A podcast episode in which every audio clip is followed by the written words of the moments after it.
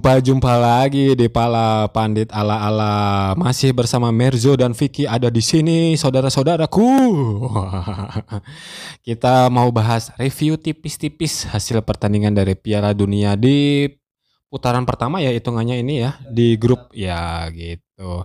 Di sini kita mau bahas beberapa pertandingan terutama tim besar yang ketemu tim kecil, ada tim kecil ketemu tim kecil, ada tim sedang ketemu tim sedang.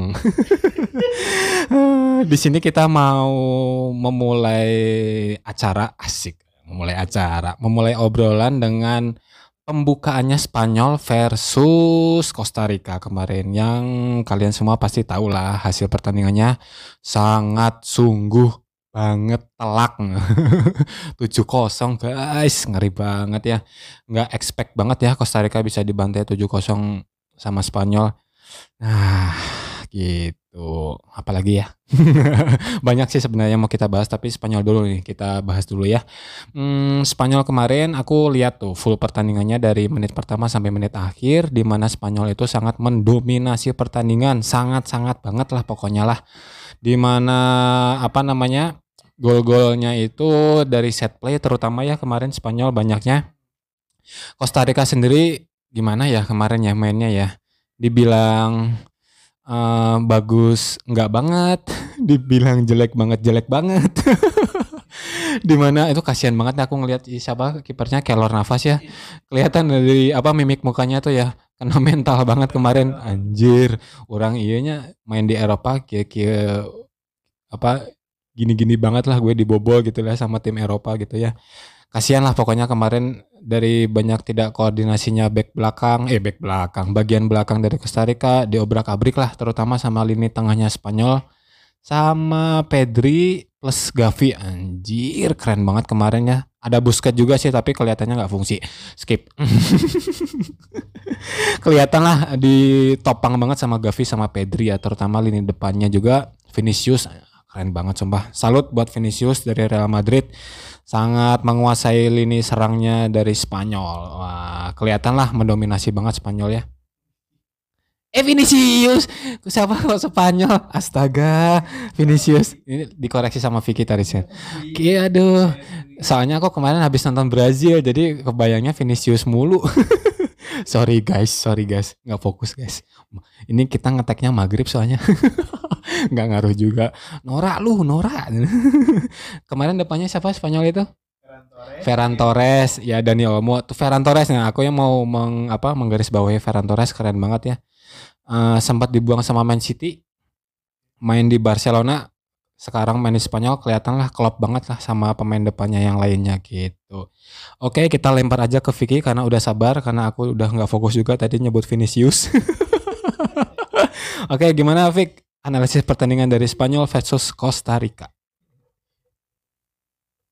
Oke ya, uh, dilihat dari hasil Spanyol melawan Costa Rica ya tentu uh, sebetulnya layak gitu Spanyol menang gitu. Tapi yang bikin apa? Yang bikin semua orang pada tidak nyangka gitu ya, itu dengan hasil yang 7-0 itu gitu. Gitu di mana uh, pelatih timnas Spanyol ini Luis Enrique tentu ya sangat senang sekali gitu melihat timnya yang yang kembali gitu dapat menangi gitu pertandingan melawan Costa Rica ini. Ya tentu ini kemenangan yang sangat penting ya yang di mana uh, di pertandingan lain yaitu ada Jerman sama Jepang itu kalah Jerman gitu kan. Tentu ini modal bagus gitu di pertandingan pertama mengalahkan Costa Rica ya ya yang yang menurut saya itu Costa Rica sedang lagi menurun lah penampilannya gitu. Bisa kegolin tuh kegolan tujuh gitu. Dari gimana itu lini pertahanannya gitu kan Spanyol dengan margin gol 7-0 ini tentu ya uh, merupakan skor terbesar gitu mengalahkan rekor kemarin yang yang dimiliki oleh Inggris menang 6-2. Nah, ini yang lebih besarnya lagi 7-0 gitu. Ciptakan oleh timnas Spanyol. Di situ bis, kita bisa lihat ya uh, permainan Spanyol di era pelatih Luis Enrique ini uh, sebetulnya sudah ada di Spanyol generasi sebelumnya gitu yang masih ada Xavi Iniesta yang mengandalkan permainan pendek gitu dengan taktis strategi compact gitu antara pemain depan belakang pemain tengah gitu kan. Jadi bisa menyeimbangkan gitu apalagi pemain tengahnya yang bisa mobilitas gitu dengan sistemnya gitu. Dan yang kemarin juga tentu Spanyol ada yang menarik juga di di di sisi pertahanan ya dengan memainkannya Rodri bersama Laporte gitu kan. Yang di mana Rodri itu yang biasa dimaini di central defensive midfielder ya. Kemarin dipasangin sebagai center back gitu oleh Luis Enrique. Tentu uh, Rodri uh, bisa apa bisa beradaptasi lah dengan dengan strateginya Luis Enrique itu. Dan yang kemarin yang menariknya Ferran Torres tuh yang baru up lagi namanya gitu setelah musim kemarin di depak oleh Manchester City gitu kan. Sekarang mungkin Ferran Torres eh, membuktikan dengan mencetak dua gol kemarin gitu melawan Costa Rica gitu kan. Tentu ini merupakan apa? psikologis yang bagus untuk Ferran Torres untuk meningkatkan level permainannya untuk lebih baik lagi melihat dari hasil ini Luis Enrique berkata eh, ketika keadaan berjalan seperti ini tentu sepak bola menjadi olahraga yang luar biasa gitu. Tentu Luis Enrique eh, dengan memiliki tanggapan seperti itu seperti senang gitu. Meski apa menang melawan Costa Rica ini gitu. Jadi ada confidence lah gitu. Menang di pertandingan pertama kan biasanya itu nggak mudah juga gitu. Karena perlu adaptasi gitu dari lawan dari tim sendiri gitu. Ya mungkin mungkin juga itu karena faktor lawannya juga kan Costa Rica yang lagi menurun gitu. Uh, Luis Enrique pun uh, ada apa kutipan lagi nih kami luar biasa dalam penguasaan dan penyelesaian bola kami dengan filosofi sama seperti yang dimiliki tim nasional selama bertahun-tahun kami luar biasa dengan menekan dan 17 pemain yang ambil bagian sangat bagus gitu. Tentu 17 pemain itu di mana uh, komposisi sama pemain pengganti ya itu. Ini adalah tim nasional yang merupakan apa? proses gitu. Dia di mana uh, Spanyol di di Piala Dunia kali ini lebih banyak memainkan pemain muda gitu. Jadi sebetulnya itu lintas generasi dari generasi sebelumnya yang ditinggalkan oleh Safi dan Iniesta dan mungkin ini generasi baru juga gitu di mana ada trio Barcelona antara Ansu Fati, Gavi dan Pedri gitu. Cuman yang lebih menonjol Gavi dan Pedri gitu tentunya kan. Gavi juga mencatatkan rekor dengan pemain termuda gitu yang mencetak gol kemarin di Piala Dunia.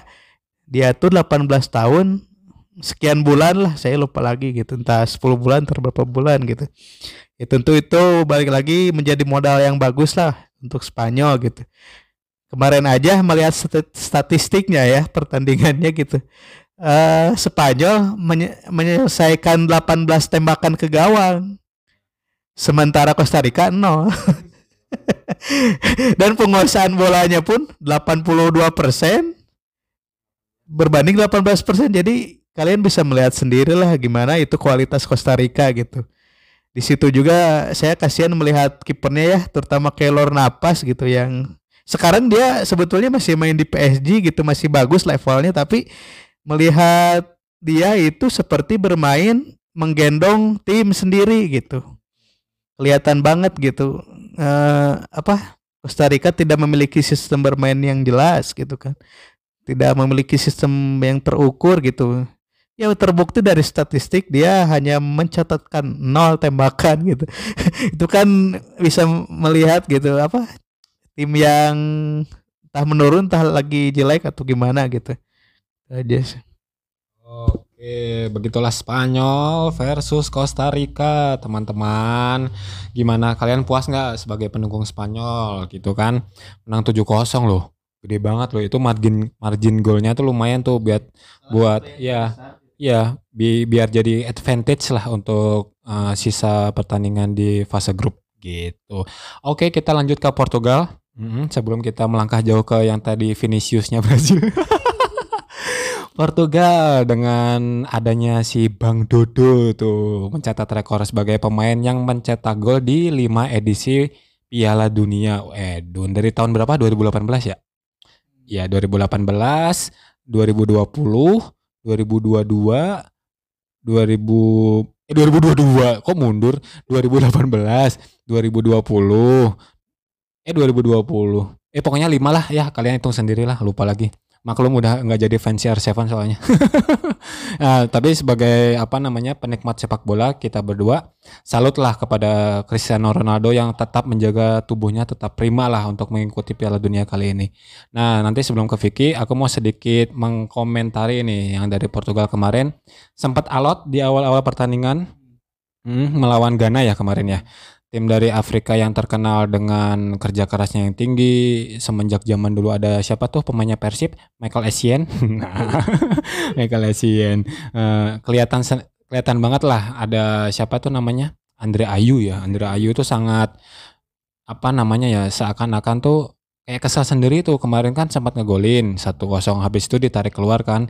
Terus habis itu dijebol tuh langsung sama, sama Portugal. Dibalasnya nggak lama dari dia mas apa keluar sebagai pemain kan langsung dijebol kelihatan kecewanya Andre Ayu di situ kan.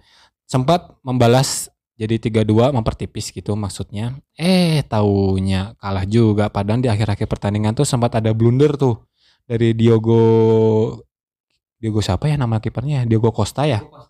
Ya, kim, ya kiper dari Porto kemarin. Nah, sempat deg-degan tuh Ronaldo kelihatan tuh yang kemarin kalian lihat iya. Uh, jadi meme bagus tuh untuk eh, apa namanya di internet selanjutnya. Internet selanjutnya di edisi selanjutnya. Meme-nya bagus banget tuh. Ah, aku berharap berharapnya sih sebenarnya tiga tiga sih biar rame aja di grupnya. Soalnya kan hmm, cukup berat Portugal di grup ini kan. Oke, kita langsung ke analisisnya Vicky. Gimana Portugal versus Ghana? Yang kehitung ugly win gak sih ini Portugal? Ugly win lah ya. Ugly win. 3-2. Tipis soalnya. Monggo Vicky. Oke ya, uh, melihat dari hasil kemenangan Portugal versus Ghana kemarin ya tentu ada satu hal yang menarik gitu. Lagi-lagi Cristiano Ronaldo me, apa mencatatkan rekor gitu di empat edisi Piala Dunia terakhir di mana yang pertama di tahun 2006, yang kedua di tahun 2010, yang ketiga di tahun 2014, yang keempat di 2018, yang kelima sekarang di 2022. Ya tentu itu merupakan rekor yang fantastis lah untuk Cristiano Ronaldo di balik kasusnya yang sedang menimpa kali ini gitu kan. Ya melihat dari pertandingan kemarin Portugal versus Ghana gitu. Sebetulnya saya belum melihat uh, permainan yang baik sih sebetulnya menurut saya ya. Karena Portugal itu uh, apa seperti bermainnya sangat monoton banget gitu. itu pelatihnya uh, gimana ya? Sebetulnya Portugal tuh banyak memiliki pemain-pemain potensial sebetulnya.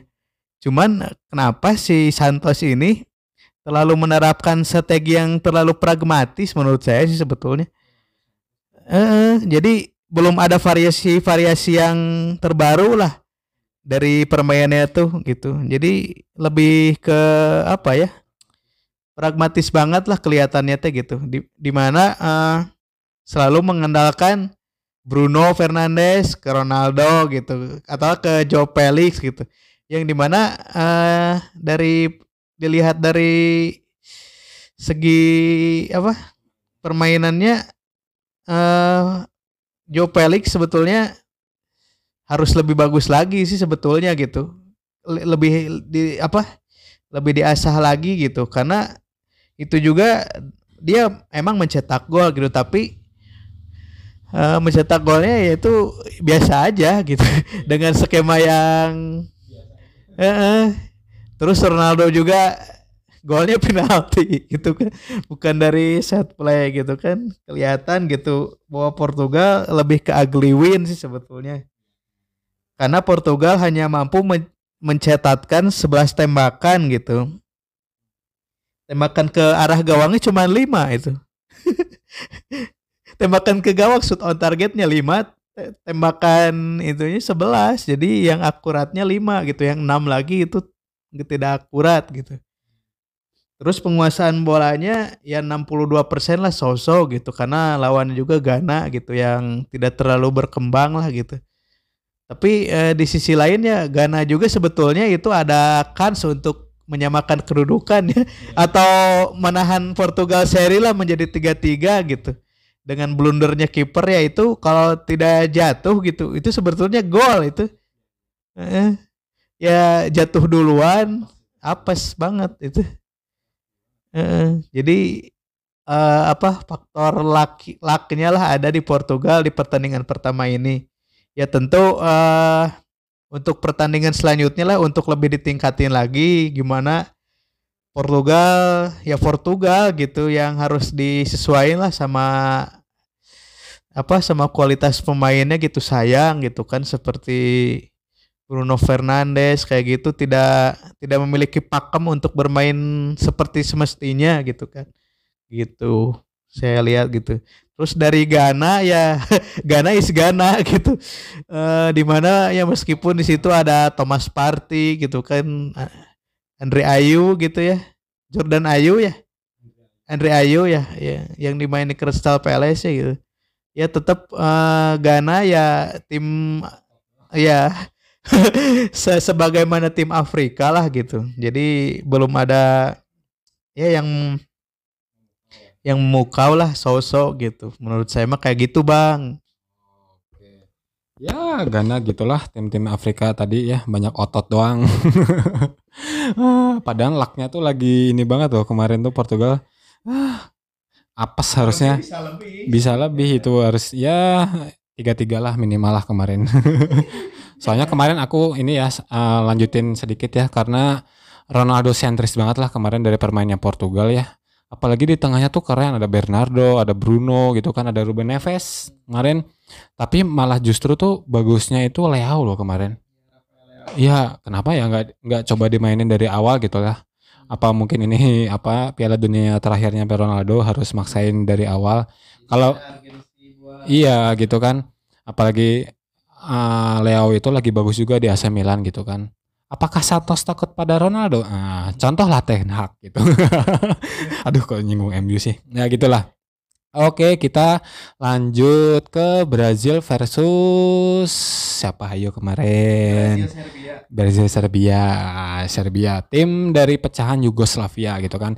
Kalian expect nggak kemarin sama kekalahnya Serbia? Padahal Serbia itu terkenal ada beberapa pemain yang ya lumayan. ya lumayan lah bagus banget sih enggak. Cuma ya uh, keren lah pokoknya. Seperti Sergej Milan Milinkovic Savic ada Mitrovic ada uh, Vlahovic gitu kan. Harusnya kan bisa mengimbangi dari timnas Brazil begitu saudara-saudara. Dari Brazil sendiri kan ada mm, trio mautnya ya anjir trio mautnya tuh dari depan sama tengah loh itu. Tuh trio maut semua itu tengah ada Neymar. Aku kaget sih kemarin Neymar kirain bakal main di depan ya ternyata di tengah. Neymar ditemani Casemiro sama Paqueta di depannya ada Vinicius. Nah ini bener nih Vinicius ada nah ini yang jadi kejutan tuh Richarlison tuh yang biasanya main di winger di Everton sekarang di Spurs. Uh, ya di winger lah istilahnya gitu kan di sampingnya lagi ada Rafinha yang main di Barcelona nah ini ada analisis khusus nih dari uh, Vicky yang kebetulan juga fans Real Madridnya Vinicius. Nah, keren banget kemarin aku salut banget sama Vinicius kemarin. Kemarin mainnya keren banget sumpah. Begitu Vic. Gimana Brazil versus Serbia? Oke ya, uh, sebetulnya pertandingan Brazil versus Serbia saya tidak menonton sih, tapi ada sedikit highlight gitulah tentang ya pertandingan ini gitu. Tentu di sini uh, Brazil ya ya Brazil gitu di mana di babak pertama itu menekan menekan terus menerus gitu dari 13 menit awal di mana uh, ada uh, Vinicius tuh yang berselebrasi gitu ya. Uh, tapi dapat dimentahkan oleh backnya gitu menit ke-13 itu. Jadi so, uh, pemain Serbia ini bisa mematahkan serangan Vinicius gitu. Jadi dari awal-awal laga pun uh, Brazil menekan langsung lah tancap gas gitu di mana Brazilnya gitu. Dan uh, apa? Di sini ada yang menarik ya dari hasil Brazil versus Serbia ini di mana Richarlison uh, Richarlison yang di mana sempat gitu sebelumnya diragukan lah oleh fans Brazil sendiri gitu. Kenapa ini membawa Richarlison? Kenapa tidak membawa Firmino gitu yang sekarang menuju ke habitatnya lah gitu ke ke performa yang bagusnya gitu. Ya tentu uh, pelatih Cice sendiri ini uh, dengan segala pertimbangannya tentu mengapa membawa Richarlison gitu dibanding Firmino. Sebetulnya Richarlison ini di di edisi Piala Dunia sebelumnya ya selalu dibawa oleh Cice ini karena Cice udah tune in lah dengan pemain ini gitu. Dia ini Richarlison ini bisa uh, kan sebetulnya dia bermain di sayap ya eh, rata-rata di LW gitu kayak di Tottenham kan dia dipainin di sayap tapi mengapa di di di Brazil ini dia bermain di center forward gitu. Ya uh, sebetulnya uh, Cice sendiri melihat Richarlison ini sebetulnya melihat Richarlison sekarang gitu tidak terlalu banyak lari sih sebenarnya. Dia lebih ke taktis. Jadi mengapa alasannya Cice membawa Richarlison ya tentu gitu untuk goal getter lah. Ya tentu untuk apa? Uh, kan ini sistemnya turnamen itu yang yang di mana sistem per, pertandingannya sedikit yang butuh gol cepat gitu iya jadi membawa striker yang bisa tap in tap in gitu kan ya lihat dari posturnya dari dari akurasi tendangan finishingnya ya tentu Richarlison mempunyai hal tersebut gitu terbukti kemarin gitu meskipun baru pertandingan pertama gitu kan Terus kenapa nggak bawa Gabriel Jesus gitu kan? Ya mungkin itu tanyain aja ke pelatihnya gitu ke Cice sendiri gitu. Karena Richarlison ya lebih pengalaman juga mungkin ya bermain di Piala Dunia gitu bersama Brazil dari 2018 gitu. Ya Richarlison kemarin dengan mencetak dua gol itu ya tentu uh, membuktikanlah kepada halayak publiknya gitu bahwa nih gue nih gitu. Bisa mencetak gol gitu kan. Yang sempat publik meragukan dia bisa membuktikan gitu. Apalagi dengan gol yang keduanya itu bang. Akrobatik banget itu istilahnya kalau kata Valen tuh sepeda kebalik gitu kan tendang bicycle kick gitu kan. Itu sebenarnya perlu akurasi yang pas gitu untuk menembak seperti itu gitu. Uh, saya se sebenarnya pernah lihat yang bisa gol seperti itu Gareth Bale kan Gareth Bale salto Ronaldo Ibra. Ya kemarin yang terakhir Richard Leeson ya tentu menjadi modal yang bagus lah di pertandingan pertama gitu untuk Brazil gitu. Dan untuk Serbia sendiri ya uh, saya belum melihat perkembangannya yang bagus lah untuk Serbia gitu meskipun di situ ada Mitrovic itu Sergei Milankovic Savic yang bermain di sayap itu kan aneh banget gitu kan ya, kenapa dia dipainin di sayap gitu padahal dia posisi aslinya CDM gitu, central defensive midfielder gitu. Tapi entah pelatihnya masang dia di sayap atau gimana gitu. Gitu aja sih. Ya Brazil kemarin lebih lebih ke ya seharusnya Brazil menang gitu lawan Serbia. Layak menang lah, nggak ada istilah seri apalagi kalah gitu kan Brazil is Brazil gitu kan gitu. Oke oke oke kemarin emang kemarin emang Brazil layak menang sih karena dari dominasinya dari babak pertama sampai ke babak kedua itu stabil kemarin. Tapi cepat sembuh buat Neymar karena kemarin cedera. Ah, katanya sih beritanya dia nggak bisa ikut lagi di sisa fase grup. Ya, tapi semoga nggak mempengaruhi kualitas Brazil lah. Apalagi di situ masih banyak inilah ya pemain penggantinya lah ya. Uh, masih ada Fred, fried chicken wih, wih, wih. masih banyak lah masih bisa yang mengcover lah posisi Neymar gitu kan tapi tetap lah harus istilahnya tuh apa ya Neymar itu ya kemarin juga gampang jatuh juga sih Neymar ya banyak dikritik juga sih kemarin dari kakak juga kritik Neymar katanya ya gitulah pokoknya intinya lah. Oke kita sebelum kita closing ya Fik kita bahas dulu nih tuan rumah yang langsung tersingkir di pertama.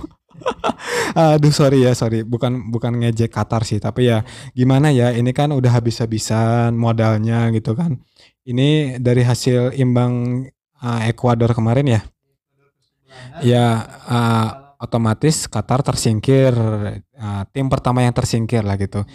Ada pendapat yang manis nggak tentang Qatar? yang tim Asia juga ya ini ya tersingkir pertama. Semoga nggak ngaruh ke tim Asia lainnya. Hahaha.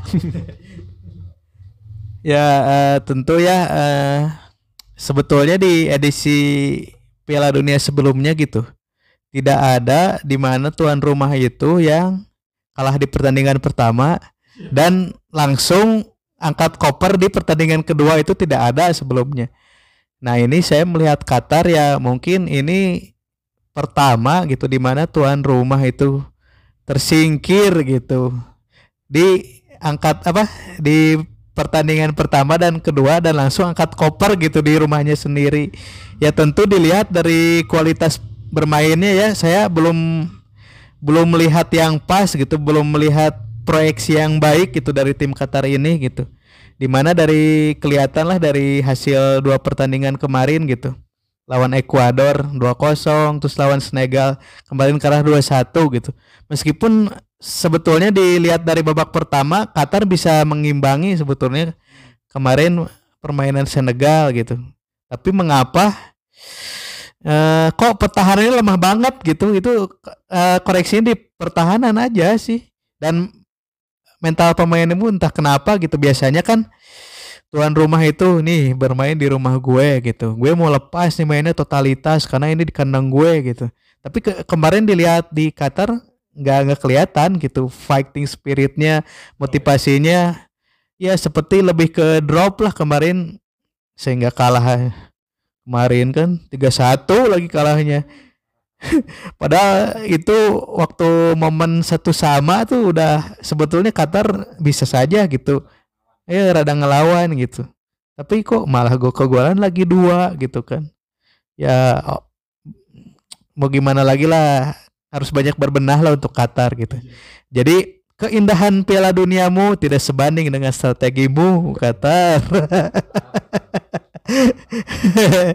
iya gitu. Sayang sekali tapi of course lah jadiin pelajaran aja gitu. Mungkin harus beber evaluasi lagi ditingkatin lagi pemain mudanya banyakin lagi pemain yang abroad ke luar negeri ke liga luar gitu untuk menambah relevansi dan kualitasnya lah referensi yang kayak gitunya lah.